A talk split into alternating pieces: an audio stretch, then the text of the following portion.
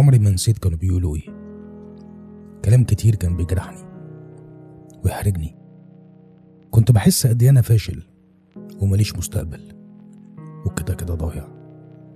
مفيش أمل. بتحسها دايما لما حد من أهلك أبوك أو أمك يقارنك بغيرك. وينسب صفة زي الأدب أو الشطارة أو سمعان الكلام لطفل تاني سواء ابن خالتك أو ابن عمك. أو حتى أخوك. وفي نيته إنه يخليك أحسن أو يشجعك إنك تتغير.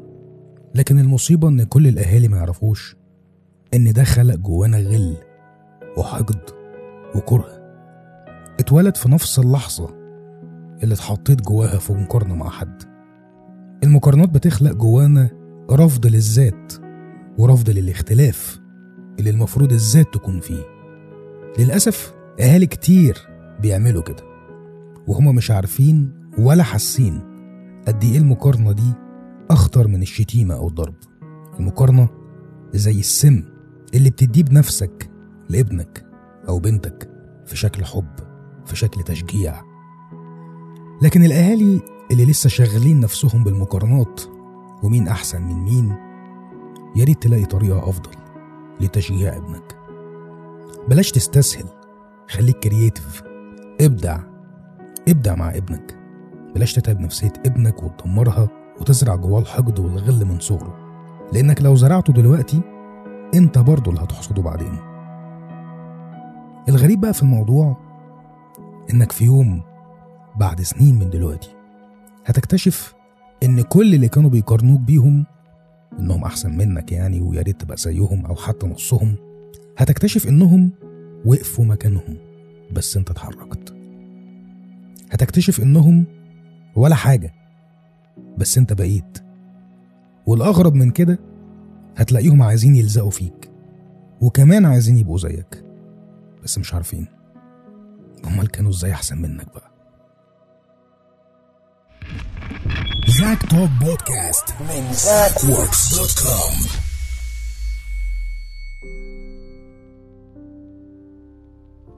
لأي شاب أو أي بنت بتتعرض لمقارنة في الوقت اللي إحنا بنتكلم فيه ده أعرف إنك أحسن. مش معنى إن بابا أو ماما شايف إن الطفل التاني ده أو الشاب التاني ده أحسن مني يبقى هو فعلا أحسن مني. لكن هي دايما الطريقة بتبقى غلط للأسف. لو أهالينا غلطوا زمان أو لسه بيغلطوا ومش عارفين الطريقة المناسبة لتشجيعنا اوعى انت تكرر نفس الغلطة مع عيالك. خليك فاكر إن ابنك مختلف عن غيره. ما تحاولش تخليه في نفس القالب. ما تحاولش تخليه شبه حد. خليه متفرد ومتميز زي ما هو. ما تخلوش يحس إنه قليل. ويبقى في نص هدومه كده. المشكلة إن بعد فترة من الزمن أو بعد ما بنكبر بنكره ناس وإحنا أصلا مش عارفين إحنا بنكرههم ليه. بنكره زيارات ناس لينا في البيت وإحنا برضو مش عارفين. بيبقى جوانا كده غل أو إحساس مش لطيف. ده من أسبابه المقارنات. أصعب حاجة بقى في المقارنات إن هي بتخلق شعور بالدونية بتخليك شخص متكبر. دايما بتقارن نفسك بغيرك فتلاقي نفسك عمال تبالغ في المميزات اللي عندك وبتبالغ برضه في عيوب الناس التانية. دايما تحس إن أنت ما عملتش حاجة. دايما تحس إن إنجازاتك أو نجاحاتك مهما كانت كبيرة إن هي ولا حاجة. وتفضل يا عيني تسعى وتنحت في الصخر وتجري جري الوحوش عشان تبقى أحسن. مشكلة نفسية. هي للأسف مشكلة نفسية. ودكاترة علم النفس قالوا الكلام ده. قالك بقى إن المقارنة دي بتحصل بدون أي مراعاة. لاختلاف الظروف أو القدرات بدون التدخل في حياة الآخرين. يعني أنت ما شفتش أصلا حياة الطفل التاني ده عاملة إزاي؟ يمكن هو وحش في حاجة تانية. العيل الصغير مش هيحس بده ابنك مش هيحس بده. وأنت بتقارنه بغيره وبتقول له شايف الولد ده بيذاكر أحسن منك وبيسمع كلام أكتر منك. هو مش هيفهم إن الولد التاني ده عنده نواقص برضه. ومش بعيد كمان الولد التاني اللي أنت بتقارنه بيه ده يكون أهله كمان بيقولوا له شايف ابن فلان عامل إزاي؟ هي هي على فكرة. أسلوب آسف إن أقول إنه رخيص جدا. أسلوب سهل. بدل ما نبتكر أو نبدع في طريقة لتشجيع أولادنا بنستسهل زي ما كان برضه بيحصل معانا وإحنا صغيرين. دكاترة علم النفس بيقولك إن المقارنة بتدفع الأولاد لطموح ضاري يعني بين قوسين جري الوحوش. بدون بقى ما يراعي قدراته ولا المستحيل ولا العلاقات الإنسانية. عشان كده للأسف الشديد معظم مجتمعنا كله بيدوس على كله. أهم حاجة إن أنا أوصل. كله عايز يبقى رقم واحد. كله عايز يبقى في المقدمة أو في أعلى القمة. وعلى فكرة ده مش لازم مش لازم كلنا يعني نبقى رؤساء. مش لازم كلنا يعني نبقى مديرين. أنت ممكن تكون في مكانك أحسن. في الجزء الصغير اللي ربنا اداهولك دلوقتي. استمتع بحياتك. حس بقيمة اللي معاك.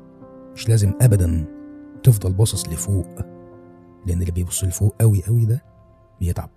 ده غير كمان إن المقارنات بتقتل الطموح بتعمل لا مبالاة. انه مفيش فايدة. أي مجهود أنا هعمله مش هيتشاف. الولد بيبقى جاي لك يا عيني ويقول لك شفت أنا رسمت إيه؟ أنت بترسم. طب ده فلان الفلاني أحسن منك لأنه بيذاكر. يا عمي أنا على أبو المذاكرة. ما تخليه يرسم. يمكن هو فالح في الرسم. يمكن يطلع بيكاسو تاني وأنت ما تعرفش. اعترف إنك مش عارف تربيهم أو اعترف إنك مش عارفه تربي عيالك. بس ما تأثرش على نفسية عيل ده مستقبل. أنت لما بتجيب عيل للدنيا أنت بتخلق مستقبل جديد. ما تخليش ابنك يطلع حسود وحقود ودايما باصص للي في إيد غيره. دايما شايف إنه عنده نقص دايما حاسس إنه أقل من غيره. ما تخلوهوش يحس بالغيرة المرضية. ما تقتلش موهبته. لأن شعوره بالحسد والغيرة والدونية وكل القرف ده هيستنزف طاقته. مش هيقدر ينتج ولا يبدع ولا حتى يبقى عنده شغف لأي حاجة. وده في بقى نوع تاني يقولك إيه أنا لما كنت صغير كنت بذاكر 17 ألف ساعة في اليوم. وهو أصلا ما كانش بيذاكر وكان فاشل. وعايز ابنه يقعد يذاكر 18 ألف ساعة. على فكرة هي المذاكرة مش كده أصلا. يعني مفيش حاجة في الدنيا بتقول إن العيل لازم يقعد 24 ساعة يذاكر. بالعكس على فكرة. ده حتى الشغل ليه ميعاد. يعني الشغل أبو فلوس اللي أنت بتاخد عليه فلوس ليه ميعاد؟ 8 ساعات في اليوم وشكرا. المذاكرة بقى أقل من كده كمان لأن دي معلومات بتدخل مخ البني آدم. عشان المخ يستوعبها لازم تتاخد في وقت قليل. طبعا ده موضوع تاني ممكن نتكلم فيه بعدين مش وقته يعني لأن الموضوع ده يطول شرحه. ما تضغطش على ابنك. ما تحسسوش إن قيمته قليلة قدام نفسه قدامك قرب منه واتكلم معاه. قدر مواهبه. كل طفل على فكرة عنده موهبة في شيء معين. قدر الموهبة دي سواء كانت رسم مزيكا سباكة نجارة رياضة. ايا كان إن شاء الله حتى لو بيغني. يا عم حتى لو بيهبل وجهه بس بالطريقة برضه. وما تركزش على المذاكرة والدراسة. إن ما تزعلوش مني إحنا كلنا عارفين إن التعليم عندنا فاشل يعني. خصوصا إن معظم أصلا الناس دلوقتي سواء بره أو جوه بيشتغلوا أصلا من غير شهادات. فالتعليم ما بقاش فارق قوي يعني. فتجنب الموضوع ده اركنه على جنب وركز في مواهب العيل. حاول تديله كورسات في الحاجة اللي هو بيحبها. نمي موهبته. ده الاستثمار الحقيقي فعلا. وبرضه ما تبالغش في ده لأن في برضه أبهات وأمهات بيبالغوا قوي في قدرات العيل. ده انت جامد ده انت ما حصلتش ده انت ما فيش غيرك. الكلام ده بقى يوقع برضه أكتر من المقارنات يعني لا كده ولا كده. امسك العصايه من النص. حاول يبقى في توازن. الحياة مش ناقصة عهات. أرجوكم يعني. كل واحد فينا متفرد ومتميز وموهوب في حاجة. ساعد ابنك وطلع الموهبة دي من تحت التراب. لأن ابنك ده هو فرصتك التانية في الحياة. لو انت فشلت في حاجة خلي ابنك ينجح بقى. ومش معنى الكلام ده إنك تطلعه برضه اللي أنت كنت عايزه. يعني أنت كنت عايز تبقى دكتور فابني يطلع دكتور. لأ ده قمة الفشل برضه. ابنك فرصتك التانية. قومه ونميه علشان يحقق حلمه وساعتها أنت هتكون مبسوط. من ضمن حياتي في ناس طبعا أكيد كتير يعني كانوا بيقارنوني بيهم. يقولوا لي بصوا ده مؤدبين إزاي؟ بصوا دول عساسيل إزاي؟ بصوا دول بيذاكروا إزاي؟ وأنا كان ساعتها فاكر يعني يعني كنت ببقى في قمة غضبي. بس ما بيلاقي حيلة هعمل إيه طيب؟ يعني هم شاطرين ومؤدبين وعساسيل و... يعني هم مش أنبياء يعني. ولا ملائكة. ما هم أكيد بيغلطوا كمان. بس طبعا ما كانش في- إيدي حاجة أعملها يعني. لكن تعدي السنين زي ما أنا قلت لك بقى في البداية كده يا معلم تعدي السنين والأيام والناس دي اللي هم كانوا بيقارنوني بيهم دلوقتي بيقولوا لي إحنا عايزين نتعلم منك.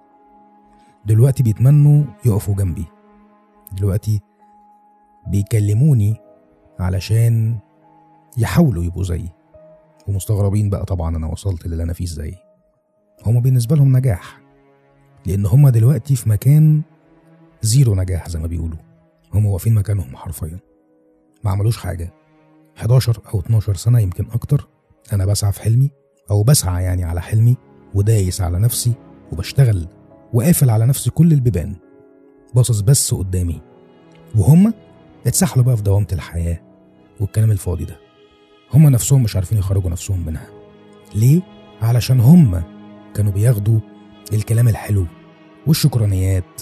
وانتوا زي الفل. ده أنتوا هتطلعوا دكاترة ده أنتوا هتطلعوا علماء. هو في أحسن منكم. لكن أنا كنت دايما العيل الفاشل اللي ما بيذاكرش. اللي مش هيطلع أي حاجة اللي هيخش معهد سنتين اللي هيفشل في ثانوية عامة وفي الدراسة اللي ممكن يخش صنايع أصلا كمان. بس تعالوا شوفوا دلوقتي بعد 12 13 سنة هم فين وأنا بقيت فين.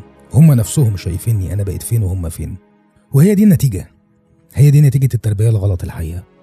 هي دي نتيجة إنك تقعد تشكر في ابنك أو في بنتك كتير قوي قوي قوي قوي وتديله أكتر من حقه فالعيل اللي يتنفخ زي البالونة كده. في الآخر يفرقع ملوش أي لازمة. بالونة فاضية. وأنا برضو عشان ما تفهمونيش غلط أنا ما نجحتش في حياتي علشان أنا كنت بتقارن بحد. أو عشان ما كنتش واخد حقي لا لا لا خالص. أنا أصلا ما كنتش يعني بحط الكلام ده في دماغي أساسا. بالعكس أنا كنت برميه ورا ظهري. فانت لو في مكانك دلوقتي بيحصل لك كده برضو ارمي الكلام ده ورا ظهرك يا معلم. أو ارمي الكلام ده ورا ظهرك. متفكرش فيه وكمل. بص قدامك وكمل. واضحك جوه نفسك وقول بكرة افكرك وأنا هعمل إيه. لأنك هتوصل.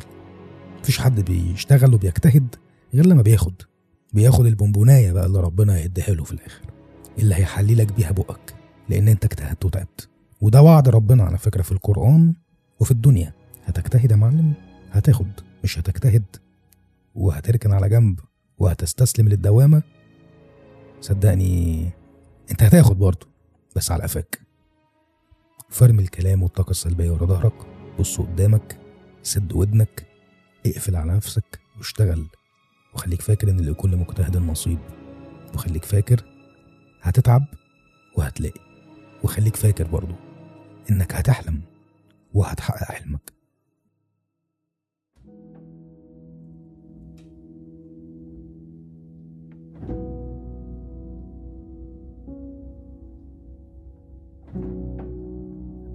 تعالوا بقى ناخد الآراء على ال social media في موضوع المقارنات ده. عملت post كده من كام يوم بقول فيه فاكرين لما كانوا زمان بيقولوا لك خليك زي فلان عشان مؤدب وخليك زي ابن طنط مش عارف مين عشان شاطر في المدرسة وبيسمع الكلام. المقارنات وما أسوأ المقارنات اللي بتودي في داهية وبتضيع أطفال وبتخلق جواهم الحقد والغل. فاكر كانوا بيقولوا لك إيه وأنت صغير؟ الحقيقة ردود الناس لذيذة جدا. تعالوا نقرأ كده ونشوف نادر جلال بيقول إيه. فاكر؟ ده أنا عمري ما نسيت وللأسف ده عمل كره بيني وبين ما كملش بقى الكلام. بينك وبين مين يا نادر؟ ما تقول لنا معلم. محمد غريب بيقول أولياء الأمور بيستخدموا المقارنات بين الأطفال بهدف تشجيعهم ودفعهم للأفضل بس للأسف بيلاقوا نتيجة عكسية بسبب العقد النفسية وضعف الشخصية والانطوائية.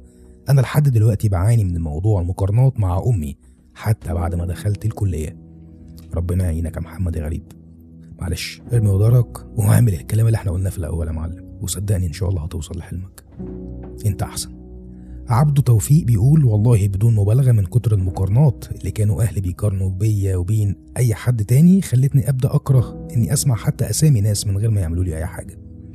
أو حتى يؤذوني وذنبهم الوحيد إن أهلي كانوا بيقارنوا بيني وبينهم. وبعدين أهلنا بيقولوا هم قرايبك عملوا لك إيه؟ علشان آه، تكرههم كده ومش بتسأل عليهم ولا بتزورهم وكأنهم نسيوا إنهم السبب في كرهنا لقرايبنا. للأسف. وفي الآخر مش عارفين إيه السبب. أسامة أحمد لو المقارنة دي تمت بشكل صحيح كانت الأمور هتبقى أفضل من كده لو الأهل قارنوا بالقدوات الحسنة. أعتقد إن كان هيكون الأنسب. آه، مش معاك يا أسامة خالص. مقارنات ملهاش أي 30 لازمة. مش لازم تحصل نهائيا نهائيا. لا تقارن نفسك بأقل منك ولا تقارن نفسك بالأحسن منك. لو بتتكلم على القدوات الحسنة زي مثلا النبي عليه الصلاة والسلام أو الصحابة أنا معاك. طبعا أكيد. إن هو ده صح يعني. لكن أي حد تاني لأ. ريهام ريري بتقول ما حصلش معايا الحمد لله لأن أهلي كانوا بيقولوا ليا ملناش دعوة بحد. ما نبصش على حاجة حد. الله جميل جدا الكلام ده يا ريهام. يا ريهام. فمرة وأنا تانية ابتدائي جم يقولوا لي بص لفلانة بص لعلانة قلت لهم كلامهم ملناش دعوة بحد ولا بعيال حد زي ما هم ليهم تصرفات حلوة ليهم وحش حلو جدا يا ريهام شكلك نصحة طبعا كان نقاش مطول وكان قراري فيه إني أنا عشان أبقى زي فلان فأنا هعمل أغلاط فلان ده. واللي طبعا كانت لا تحتمل لأهلي. بس مع الأسف في ناس كانوا بيعملوا كده مع أولادهم عليا آه، فخسرت ناس كتير. كنت بحبهم وكانت صداقتنا حلوة بسبب المقارنات. وكان منهم أقارب مع الأسف لحد الآن رغم إننا كبرنا واتجوزنا لكن مفيش عمار بينا. بحس إنه في حواجز غباء بجد. آه، قصتك حلوة وأحزنتني برضه يا ريهام. بس مبسوط جدا إنك شاركتيها معانا بجد. عمر عبده بيقول اللي بتعمله فينا عيالك هيطلعوه عليك. أحمد بين محفوظ دايما. بنتظلم في مقارنات الأمهات بابن أختها اللي شايفاه أحسن واحد في الدنيا ويبقى نفسها تطلع زيه حتى لو فاشل. مش عارف أقول لك إيه بس ما أعتقدش إن في أم بتبقى شايفة ابنها مش هو اللي أحسن واحد. القرد في امه غزاله يا عم أحمد. آه هي بس ممكن تكون يعني عايزة تقرص لك ودانك أو تحمسك شوية بس ممكن تكون الطريقة غلط. لكن أمك هتعمل لها إيه؟ لازم تبوس ايديها ودماغها كمان. في كلام تحطه ورا ظهرك وفي كلام تحطه فوق راسك. أيوب الجامودي أم المقارنات هي اللي ضيعت النفسية. آية البحيري من صغري ما بحبش حد يقارني بحد تاني بتعصب من صغري جدا. لو حد عمل معايا كده ما بحبش أكون نسخة متقلدة. دايما شايفيني مختلفة أو دايما شايفاني مختلفة عن البيئة اللي حواليا. عشان ماشية بمبادئي مش بسمع لكلام حد غير في الصح وبس. إحنا عايشين عشان نعمل شخصياتنا بنفسنا مش مجرد آلة ننفذ الأوامر. ومع ذلك ناخد بنصايحهم وتجاربهم الصح بس عشان محدش فينا أبدا عمره ما هيتعلم غير لما يجرب بنفسه. أنا معاكي لكن حتة محدش هيتعلم غير لما يجرب بنفسه دي مش صح. ما تتعلميش وقلتها أنا قبل كده في بودكاست من فترة بلاش تتعلمي بالطريقة الصعبة. في نوعين من الناس. في نوع بيتعلم بالطريقة السهله وفي ناس بتتعلم بالطريقة الصعبه الطريقة الصعبة اللي هي تقعد تجرب بنفسك وتخش في تجارب فاشلة وتتجرح وتتألم وفي الآخر تبقى من النجاة بتوع الحرب. فليه؟ لا في كلام أو في تجارب ما ينفعش أجربها بنفسي. ممكن أسمع من أهلي لأن هم في يعني بنسبة 70 80% بيتكلموا صح. ممكن تكون طريقة التوصيل مش صح. فحاولي تنقحي أو تنقي كلامهم وتاخديه. واللي تلاقيه مش لطيف ارميه ورا ظهرك. لكن مبسوط يا إيه برايك عمران المليح بيقول والله لحد دلوقتي كل واحد بشوفه متميز بشيء بصير قرنه فيني بسبب السم القاتل ده. ده بقى إدمان بقى يا عمران. مصطفى مكرم بيقول آه والله فاكر وبرضه جبت 50% عادي. أنا جبت آه، 74% يا درش. يعني أنا أشطر منك يا معلم. حبيبي يا درش. مبسوط جدا بالمشاركة بتاعتك دي. محمود عبد الرحمن فاكر جدا وعملت اللي في دماغي في الآخر. وعايش برنس وبنحاول نحقق اللي إحنا عايزينه. برنس حوده اصل يا معلم. حلوة الروح دي. مينا نشأت في مشكلة في المقارنات أصعب من إنك تقارن أو تتقارن بابن خالتك أو أي حد تاني. هي إن يكون عندك أخ توأم واللي هي تعتبر المقارنات فيها أصعب بسنين ضوئية عن المقارنات بالقرايب. لأن مش بس بتبقى في مقارنات بين الأهل لا أنت بتبقى عايش حياتك كلها في مقارنات من كل الناس اللي تعرفها. أنا مش ناسي أول مجتمع أدخله من غير أخويا التوأم واللي كان الجامعة وقد إيه حبيت الناس اللي فيها لأنهم ما يعرفوش غير مينا بس. أو المجتمع بدون مقارنات كان بالنسبة لي الموضوع مريح نفسيا كتير. بس أهو حاليا بحاول أبعد عن أي مقارنات بيني وبين أي شخص تاني واقارن بيني وبين نفسي قبل كده. أنا كنت إزاي وبقيت إزاي. بالمناسبة أنا وأخويا توأم غير متماثل يعني حتى مش شبه بعض في الشكل ولا الصفات وده بيزيد المقارنة. حزين جدا يا مينا على قصتك دي. جدا فوق ما تتخيل. من أسوأ الحاجات فعلا إنك تتقارن بأخوك لإنك عايش معاه. للأسف ما ينفعش حد يعمل كده. أنتوا هتكرهوا الراجل في أخوه. أشكرك يا مينا على مشاركتك وأتمنى إن أنت تخرج من اللي أنت فيه ده. وحاول برضه تحب أخوك يعني ما تخليش ده يأثر على علاقتك بيه أو يأثر على نفسيتك معاه يعني. أنا مش عارف علاقتكم عاملة إزاي بس أتمنى إن ده ما يكونش ده أثر على حياتك مع أخوك. أبو محمد بيقول الله الله متى راح تنزل الحلقة؟ أهي نزلت يا معلم أهي. سهيلة جاد وده آخر كومنت معانا. بتقول فاكرة ودلوقتي اللي كنت بقارن بيهم أهلهم بيقارنوهم بيا. الدنيا دوارة بقى وكده. حلو كلام سهيل. تقول دلوقتي اللي كنت بقارن بيهم أو اللي كنت بتقارن بيهم أهلهم بيقارنوهم بيا. والدنيا دوارة. هي كده فعلا. مش دايما لحد. ودوام الحال من المحال. مش دايما اللي بيقارنوك بيهم شطار أو فيهم مميزات أو مثاليين. بالعكس ممكن يكونوا أسوأ منك بكتير. بكتير قوي ممكن انت تكون احسن وانت مش عارف. وخد بالك ممكن تكون فاشل وبرضه انت مش عارف. بس ده ما يديش الحق برضه لأهلك إنهم يقارنوك بحد. لازم يغيروا الطريقة. لو أنت شاب بتسمعنا وحد بيقارنك بغيرك ارمي الكلام ورا ظهرك وحاول تشوف العيب فين وصلحه. حاول تبقى أحسن. ولو فضلت برضه دوامة المقارنة ارميها ورا ظهرك. وبص قدامك وسد ودانك واقفل عليك واشتغل. لو انت أب أو انت أم أوعي تقارني ابنك بحد. ابنك متميز وفريد من نوعه وموهوب. ما تستسهليش. ومدي إيدك لابنك وانت إيدك على إيده كده أو انت إيدك على إيد ابنك وطلع الموهبة اللي عنده المدفونة ونفضها من التراب ووريها للنور. ما تستسهلش زي بقية الناس. ولو انت فاشل وشايف نفسك فاشل أو حاسس إنك فاشل خد الكلام وطلع العيب اللي عندك وصلحه وما تستسلمش لفشلك. لأن الحياة كام سنة؟ وشكرا. فلو محققتش نفسك دلوقتي هتحقق إمتى يا معلم؟ لو عايز تسكتهم لو عايز أهلك ما يقارنكش بغيرك فرجهم ووريهم إن كلامهم غلط. دوس على نفسك وحقق حلمك. اثبت للناس واثبت لأهلك إنك حاجة. هي دي الطريقة الوحيدة عشان ترد عليهم. عشان لما تعدي السنين الناس التانية دي تيجي تقولك علمني وخدني جنبك أصلا أنا ولا حاجة. وبكده تكون حلقة النهارده من Zak Talk podcast خلصت. الحمد لله على خير. أتمنى إن هي تكون حلقة خفيفة ولذيذة كده على قلوبكم. أقابلكم في بودكاست جديد أو حلقة جديدة. كان معاكم محمد زقزوق من Zak Works dot com و Zak Works. dot academy السلام عليكم